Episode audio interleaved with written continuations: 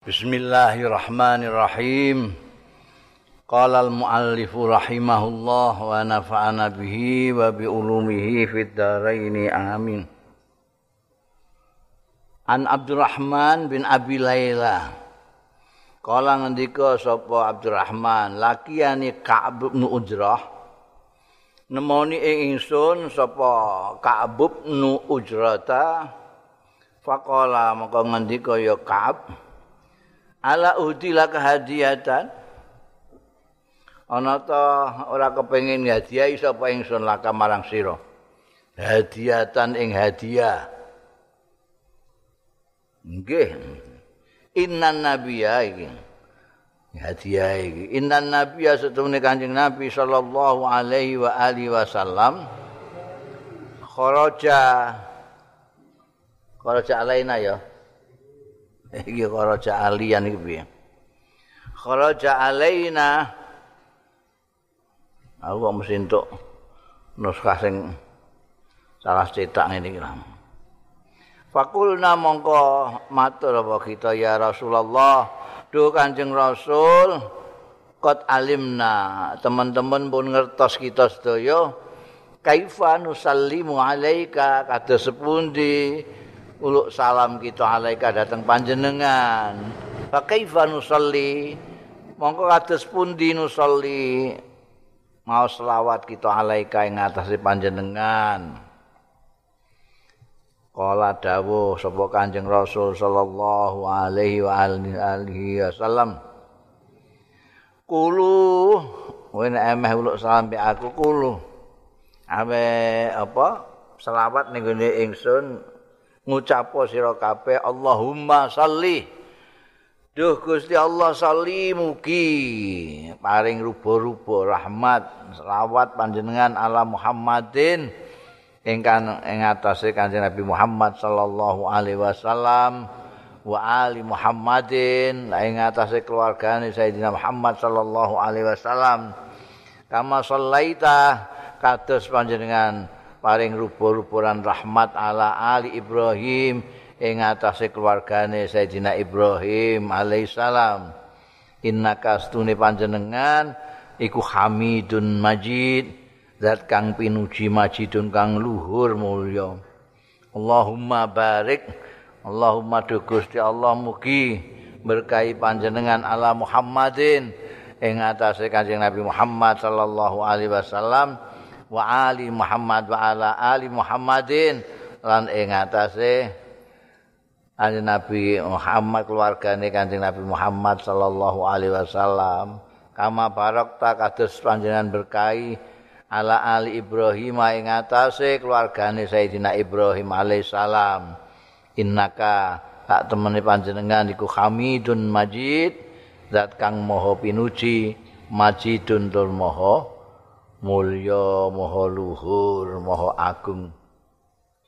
Berarti mula bukane ana redaksi selawat resmi to warane Kanjeng Nabi Muhammad sallallahu alaihi wasallam itu karena ada sahabat yang minta kepada Kanjeng Nabi Muhammad sallallahu alaihi wasallam nek salam sudah diwarai assalamualaikum warahmatullahi wabarakatuh itu ajarane warane Kanjeng Nabi Muhammad sallallahu alaihi wasallam. Assalamualaikum warahmatullahi wabarakatuh. Wong siji, wong loro, wong telu, wong lanang, wedok. Assalamualaikum warahmatullahi wabarakatuh. Coba tambah-tambahi. Assalamualaikum warahmatullahi taala wabarakatuh. Ora ana sing ana sing engkek ngono. Kok sesuk terus ana sing luwih engkek ngene. Assalamualaikum warahmatullahi subhanahu wa taala. Wah, dawa-dawa kok. Eh, ya assalamualaikum warahmatullahi wabarakatuh yang terbaik itu. Ya ora usah mbok gawe wong iki nonton muslimate patayat barang. Jadi assalamualaikum wa warahmatullahi taala wa barakatuhu wa mahfiratuhu kedawan kuwi alam ngono nek pidato kowe salam ping telu ya kenek tapi aja ganggu omongan barang. Assalamualaikum warahmatullahi wabarakatuh. Assalamualaikum warahmatullahi wabarakatuh. Aja kok Assalamualaikum warahmatullahi wabarakatuh. Wah, jawabannya kurang mantep ngono. Bisa nalih. Assalamualaikum warahmatullahi iku ibu-ibu durung jawab. Assalamualaikum. Ora usah ngono. Ngono sing sak salam maca bismillah bismillahirrahmanirrahim assalamualaikum nah, ini nek ajane kancing wis salam assalam qoblal kalam salam sik lagi geneman biasanya saya kan yang terhormat saudara gubernur bupati saudara satpam assalamualaikum warahmatullahi disebut kuwabe lagi salam. Apik salam diucapno pertama. Salam qoblal kalam. Ya. Nek selawat niki sing diajarno kanjeng Nabi menurut riwayate Kab bin Ujra Allahumma salli ala Muhammad wa ala ali Muhammad kama sallaita ala Ibrahim innaka Hamidum Majid Allahumma barik ala Muhammad wa ala ali Muhammad kama barakta ala ali Ibrahim innaka Hamidum Majid. Ana riwayat sing ono tapi Allahumma salli ala Muhammad wa ala ali Muhammad kama sallaita ala ali Ibrahim. Wa barik ala Muhammad wa ala ali Muhammad kama barakta ala Ibrahim wa ala ali Ibrahim innaka Hamidum Majid. Nah, kene kan Hamidum Majid ping pindho. Ya. Ana riwayat sing Hamidum Majid pisan. Maka digandengno kama sallaita ala Ibrahim wa barik ala Muhammad kama barak ta'ala Ibrahim baru fil alamina innaka Hamidum Majid. Iki mau innaka Hamidum Majid. Nah, wong wong Jawa iku ra enak muni Allahumma sholli ala Muhammadin wa ala ahli Muhammadin. Wa jangkar nek cara Jawa jangkar eh? Jawa jangkar oh, iku gak enak kabeh. Apa meneh kok Kanjeng Nabi lho kiai ngono ya gak enak kabeh kowe ngundang kiai terus eh jangkar ngono ae kowe wani muni kiai Mustafa Bisri Mustafa Bisri ngono oh Eh, dapure Mustafa Bisi ngono kowe gak wani meni. Sibuk gak ikus paling ora. Kanjeng Nabi. Mulai lah. Mulane ana sing bekengkeng pokoke kudu enek Sayyidina. Untunge Imam Syafi'i itu ya menilai gak apa-apa ditambahi Sayyidina. Etoke wawasane Imam Syafi'i iku jembar banget ngantek ngerti ya kelakuane wong Jawa itu. gak enak kabeh. Nek jangkar itu. Masuk Kiai Hasim Asari itu undang Hasim Modraya. Hasim siapa? Hasim itu Hasim mendirikan NU. Tabuk ibu kowe. eh. Nek ning Arab gak masalah iku. Anake barang jangkar bapake ya gak apa-apa. Diundang bapake. Iku nek hadis-hadis dijangkar. Nah, karena apa namanya anu ini beda adat kebudayaannya lain mereka itu nek menghormati tidak sampai kepada nyebut nama kalau nek kepingin menghormati ya nganggu kunyah nek wong Arab. Jadi nek nek kowe ora gelem jangkar Muhammad ya Abdul Qasim. Ngono ya. Kunyah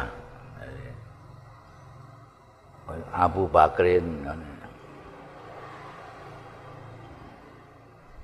Iku sebutan Abu Bakrah itu kalau mau menghormati.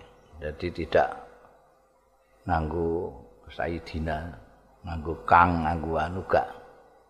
Nganggo akhi nganggo ami kan.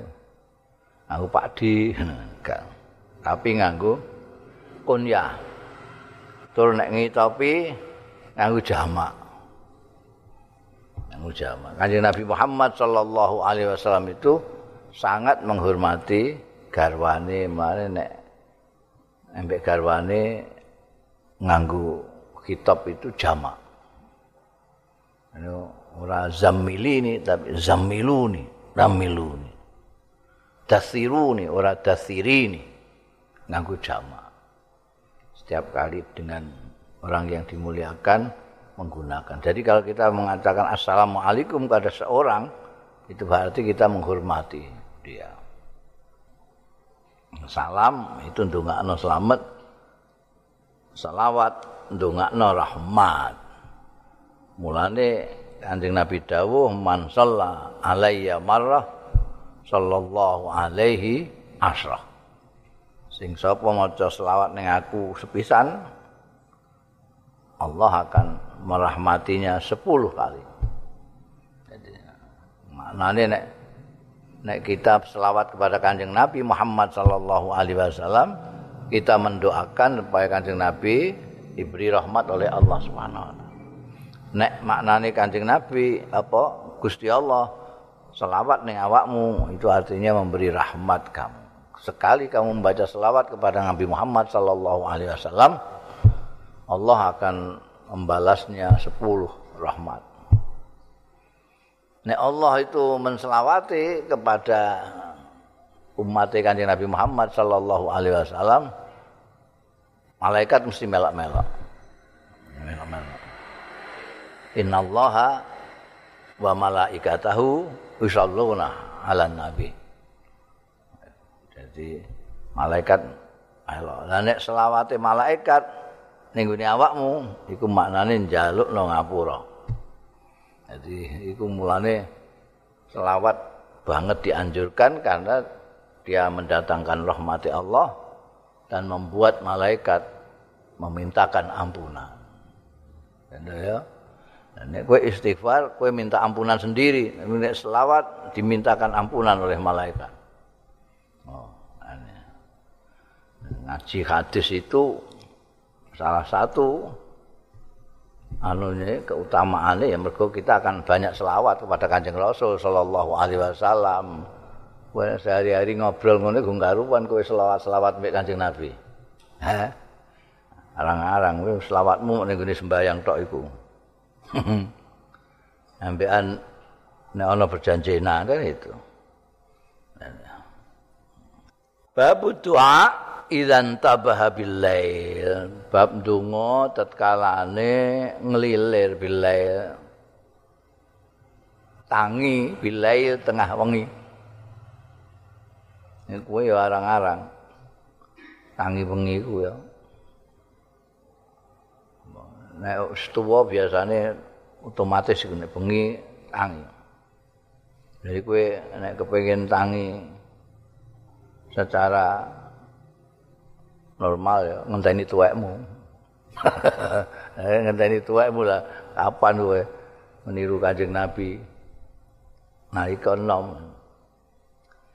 An Ibni Abbas radhiyallahu taala anhuma saking sahabat Abdullah bin Abbas radhiyallahu taala anhuma kala ngendika sapa Abdullah bin Abbas bitu inda maimunata aku nginep minda maimunata ana ing daleme maimuna. Ibu li beliau yang jadi garwane kanjeng rasul sallallahu alaihi wasallam. Jadi nginep di situ faqaman nabi. Mau jumeneng sapa kanjeng nabi sallallahu alaihi wasallam Fa'ata mongko nekani Kanjeng Nabi sallallahu alaihi wasallam hajatahu ing hajate Kanjeng Nabi sallallahu alaihi wasallam.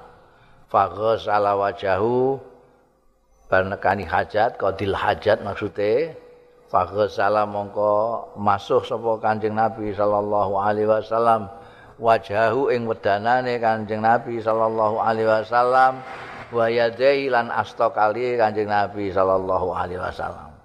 Tsumma nama monggo keri-keri sare sapa Kanjeng Nabi sallallahu alaihi wasallam.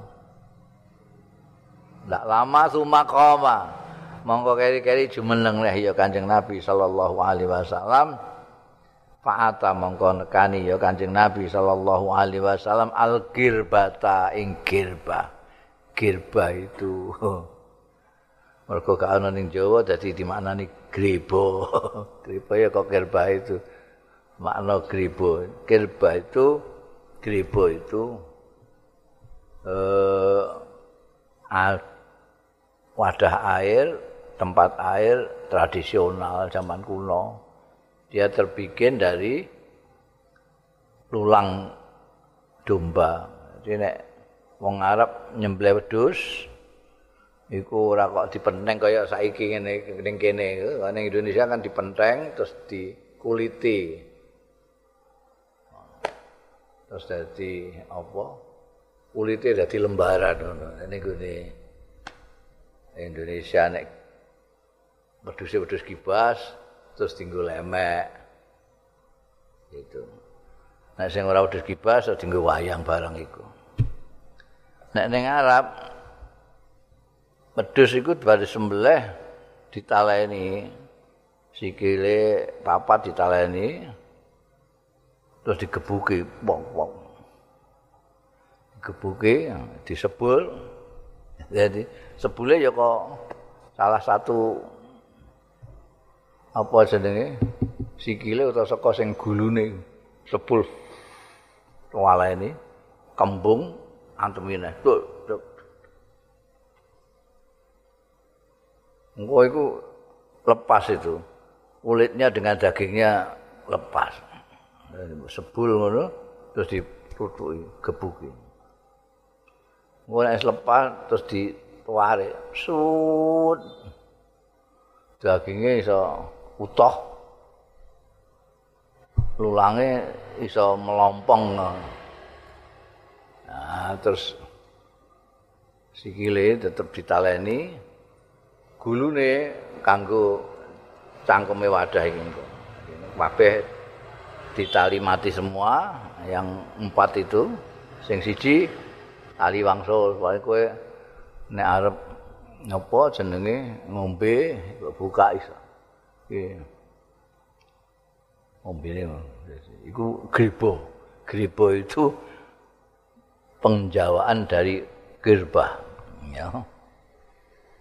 Fa'ata al-girbata Fa'atlaqo mongko nguculi sapa Kanjeng Nabi sallallahu alaihi wasallam sinaqaha ing iki taline usus-ususe Jadi kene kene kene kene ana taline sing bisa dilepas untuk kamu minum kan harus dilepas ini. Iki mbiyen gulu, gulune wedhus.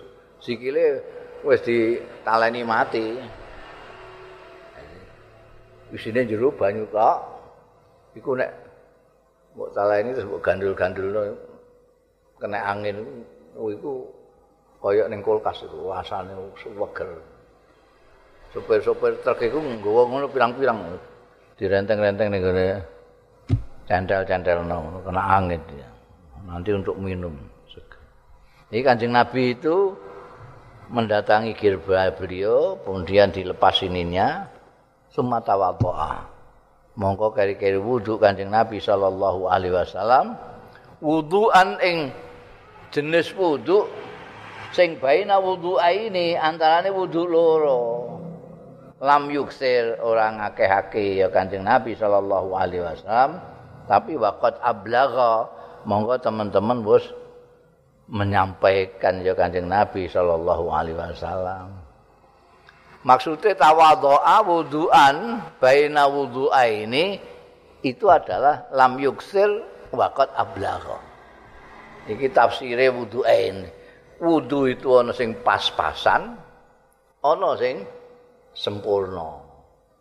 Sempurna itu sunatane wudhu di tetepi kabeh atau bismillah masuk ini tiga kali masuk muka tiga kali itu sempurna nek pas-pasan ya wes pokoknya bar, niat wudhu masuk rai sekali tangan sekali diusap sekali keping sekali itu pas-pasan Pokoke netepi wajib wudu ngono. Nah iki Kanjeng Nabi nalika wungu saka sare kemudian wudu itu tidak wudu begitu, tidak wudu sempurna, aksar tidak, tapi sudah ablang. Jadi antarane wudu sempurna dan yang pas-pasan. Jadi masuk rai misalnya itu dua kali. Sekali tiga tidak, tiga kali juga tidak. Antara itu. Masuk astani barang ya tidak tiga kali, enggak. Satu kali atau dua kali. Dua kali karena baina sekali, mbak baina tiga kali. Ya, baina wudhu ini ngono maksudnya. Walhasil ketika bangun sare, wudhunya tidak sesempurna ketika biasa waktu mau sholat biasa itu. Yeah. Fasollah mongko sholat setelah wudhu yang baina wudhu ini tadi itu tidak sempurna sekali tapi juga tidak pas-pasan. Banjur sembahyang sapa Kanjeng Rasul sallallahu alaihi wasallam. Fakum tu Ini pona Ibnu Abbas, Ibnu Abbas. Nek Abbas itu pamane Kanjeng Nabi, Ibnu Abbas itu apa nih? Eh? Quran. Abbas itu mamane kanjeng Nabi. Ibnu Abbas apa nih?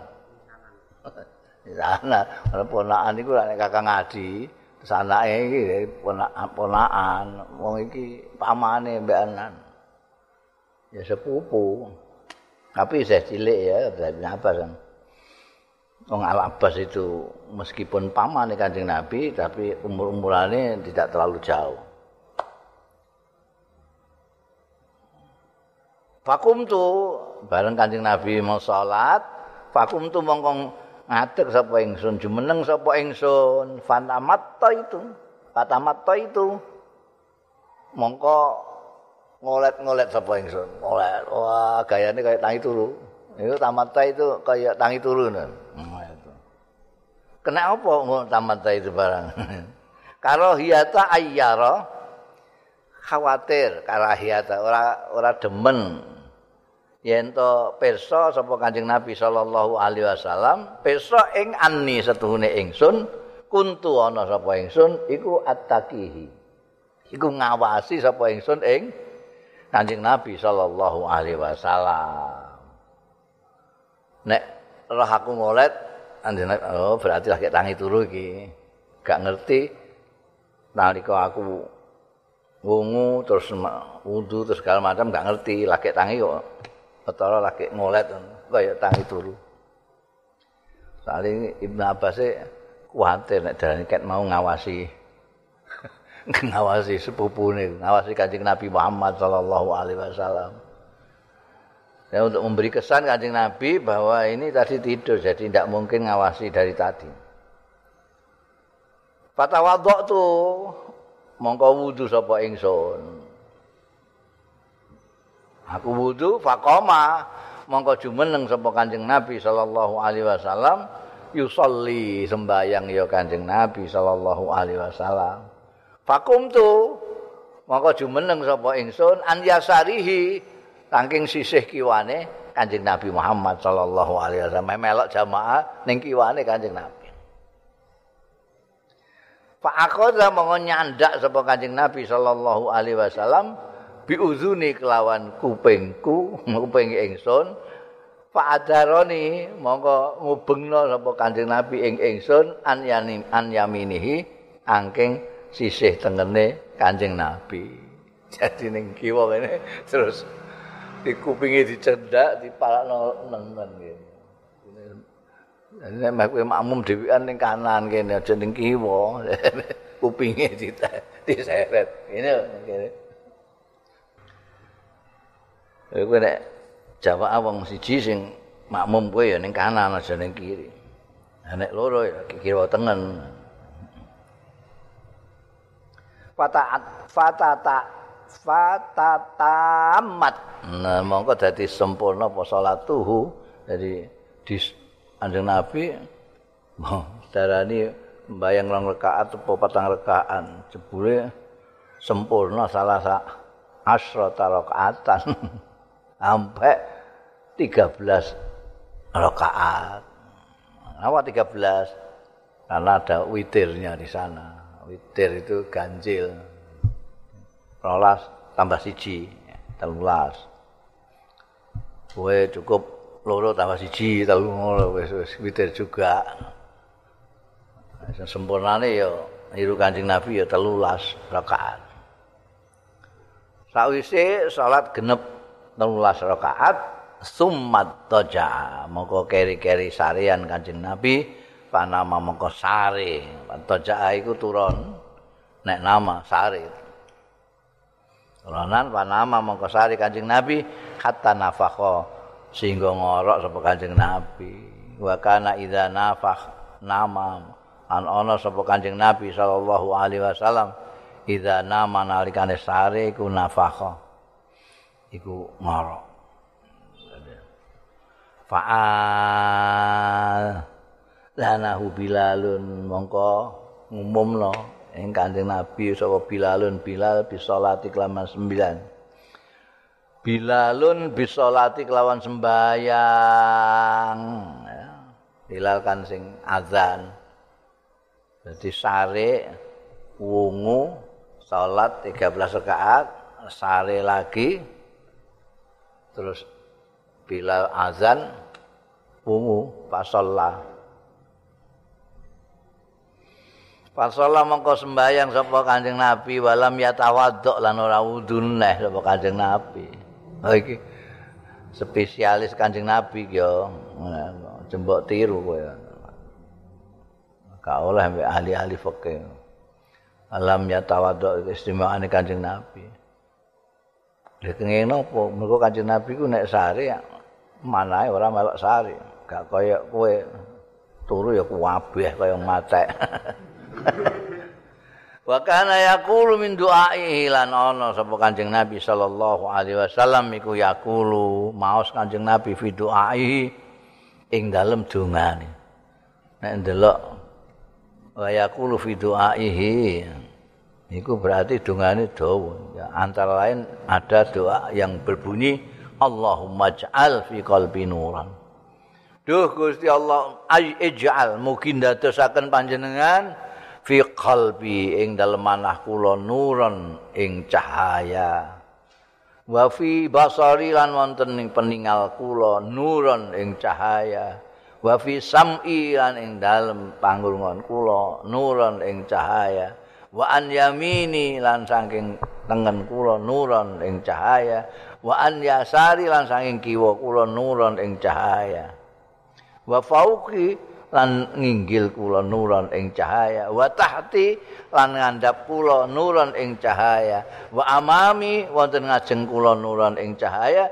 Wa khalfi lan wonten wingking kula nuron cahaya. Waj'alli nuron. Lan mugi ndadosaken panjenengan li kangge kula nuron ing cahaya. Oh iki eh? Ora terima padang ati gitu istimewa sekali. Kowe melilir tengah wengi bayang terus wudu bayang pas sembahyang sepuh ndonga Allahumma ij'al fi qalbi nuran ana sing ngendikane nek kowe sujud maca iki Allahumma ij'alni Allahumma ij'al fi qalbi nuran wa fi basari nuran wa fi sam'i nuran wa an yamini nuran wa an yasari nuran wa fauqi nuran wa tahti nuran wa khalfi nuran amami nuran. Wis lengkap wae wis bersinar-sinar. Bisa nyuwun waj'ali nuran waj'ali nuran nyuwun cahaya khusus wis kiwa tengen kalbunya depan belakang atas bawah nur masih minta dikasih nur sendiri gak karu-karuan. Malah ana sing namai waj'alni nuron. Ora sing nambahi waj'alni nuron. Mun diparingi cahaya.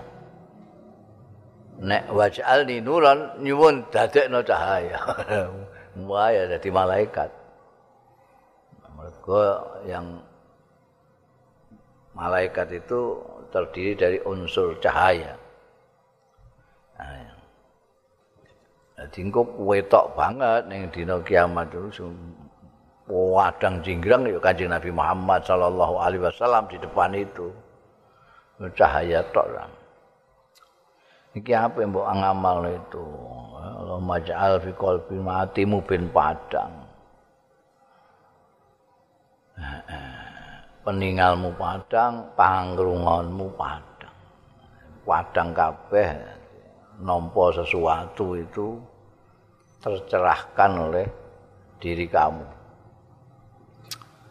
Bundel babu mayab ma'al mayyit wa ma yarji'u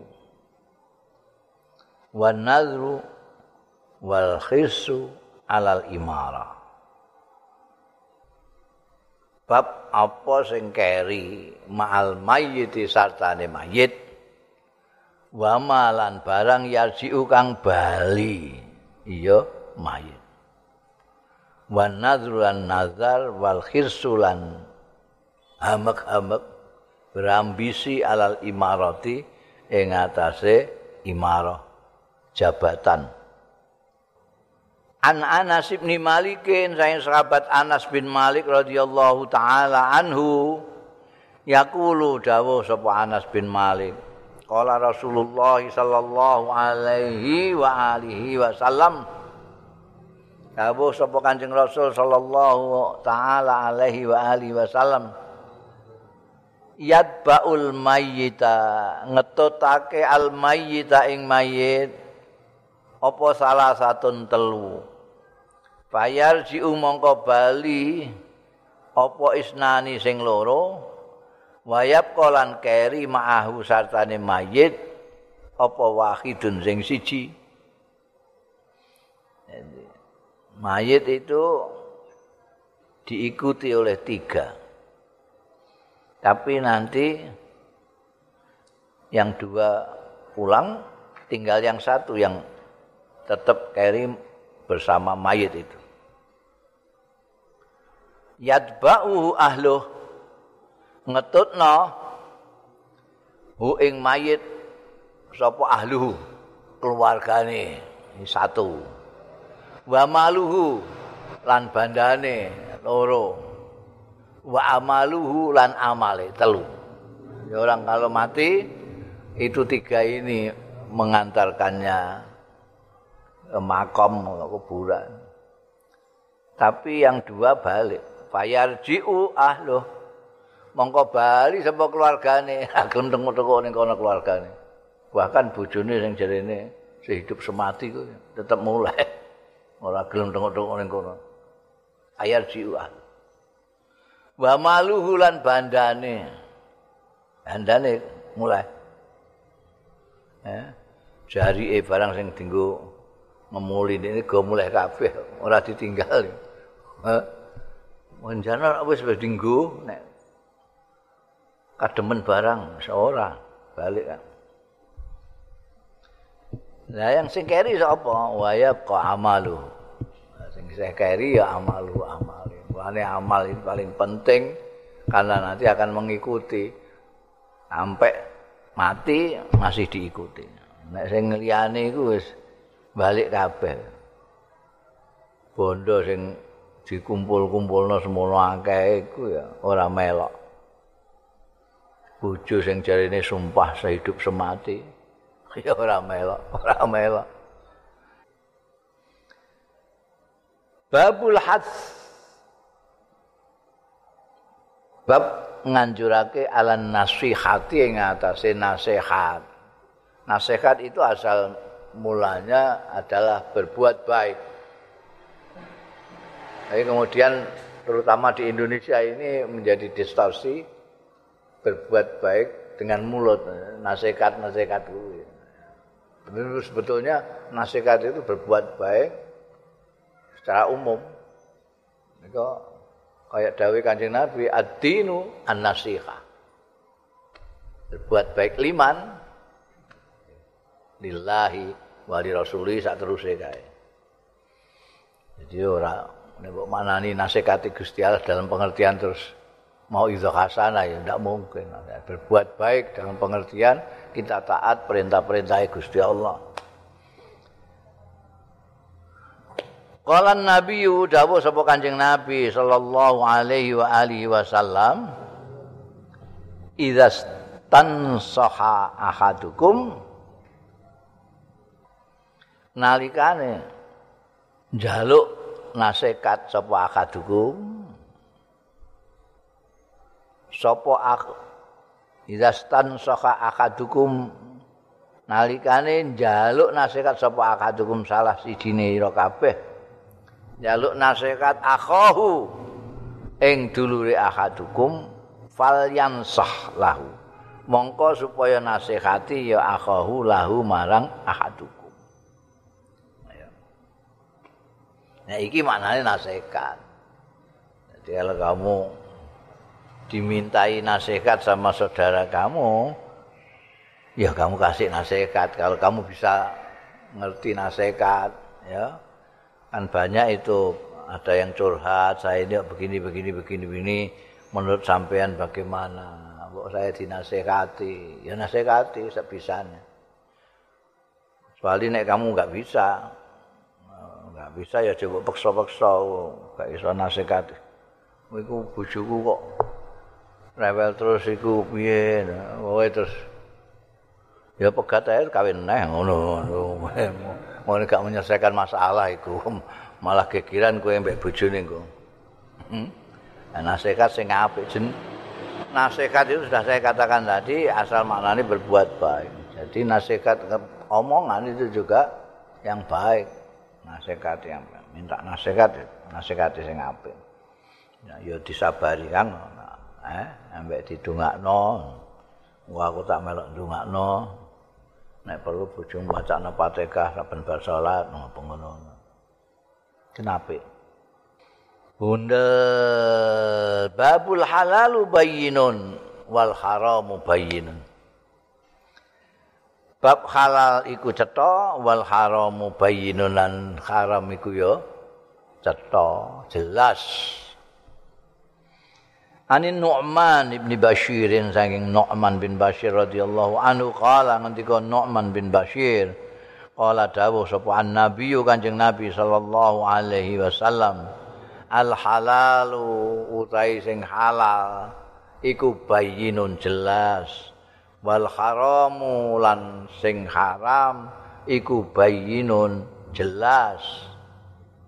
Sing ora jelas iku bainahuma lan antarane sing halal lan sing haram umurun utawi pira-pira perkara mustabihatun sing jumbuhake iki halal ta haram ya? Ini halal ta haram gak jelas.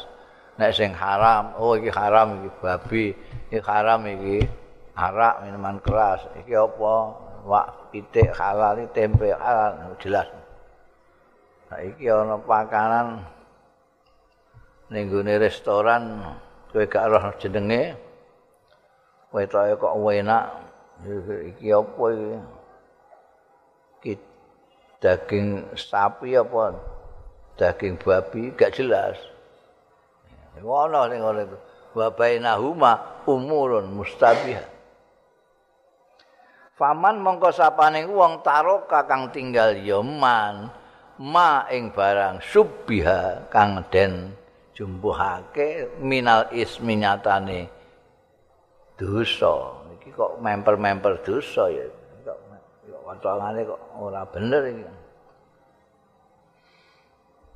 Nek ana wong ninggal barang sing subhat kana mongko ana lima staban ana sapa man lima istabana maring barang kang dianggap cetha ya ma atroka iku luwih ninggal ya man.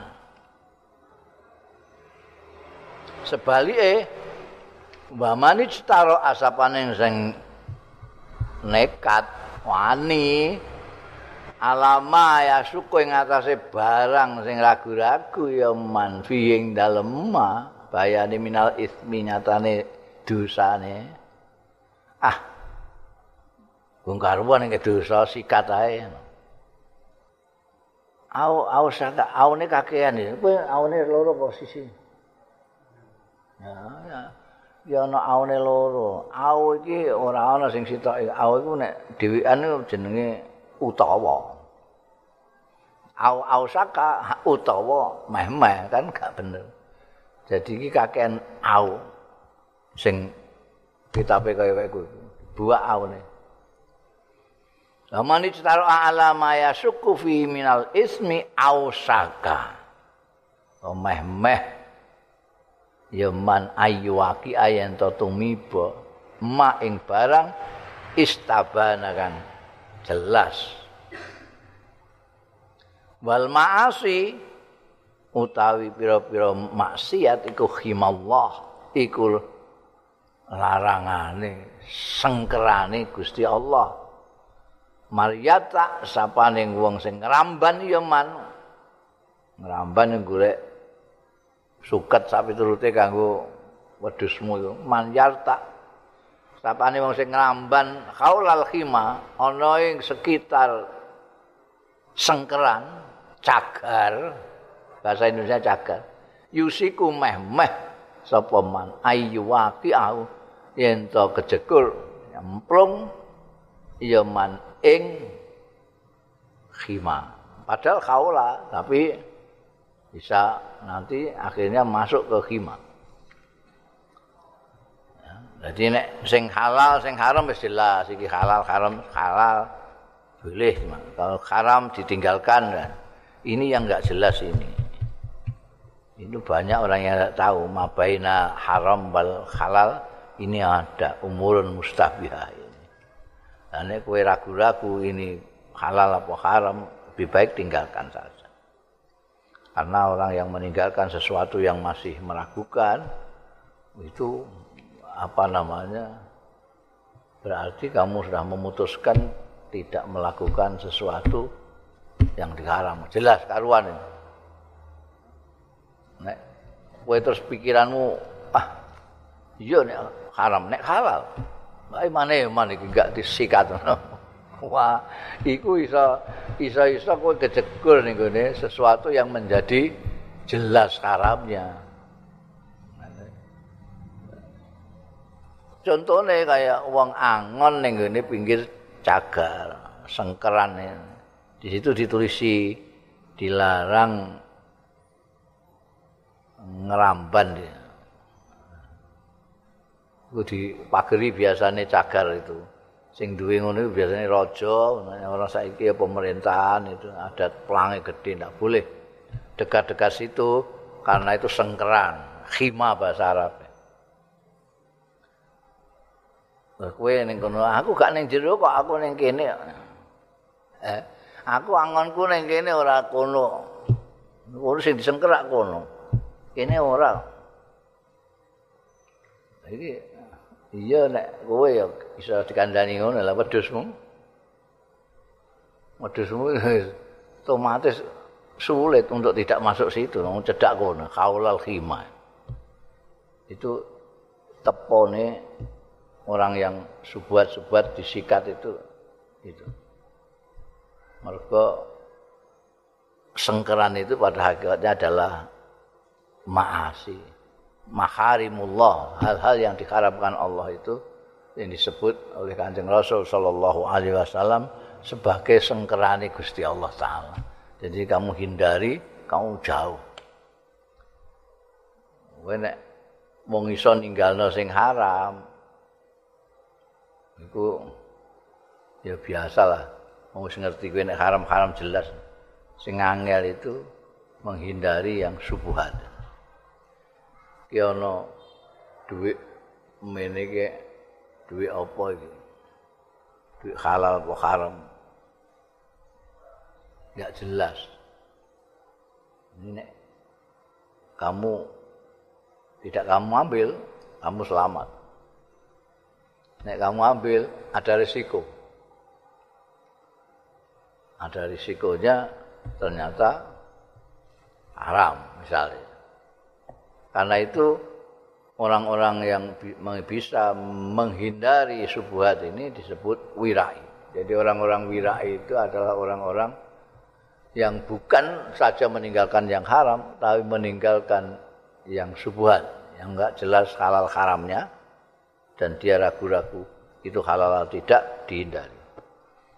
Orang yang meninggalkan subuhat itu disebut wirai. Bundel babul walad lil firashi wallahu a'lam.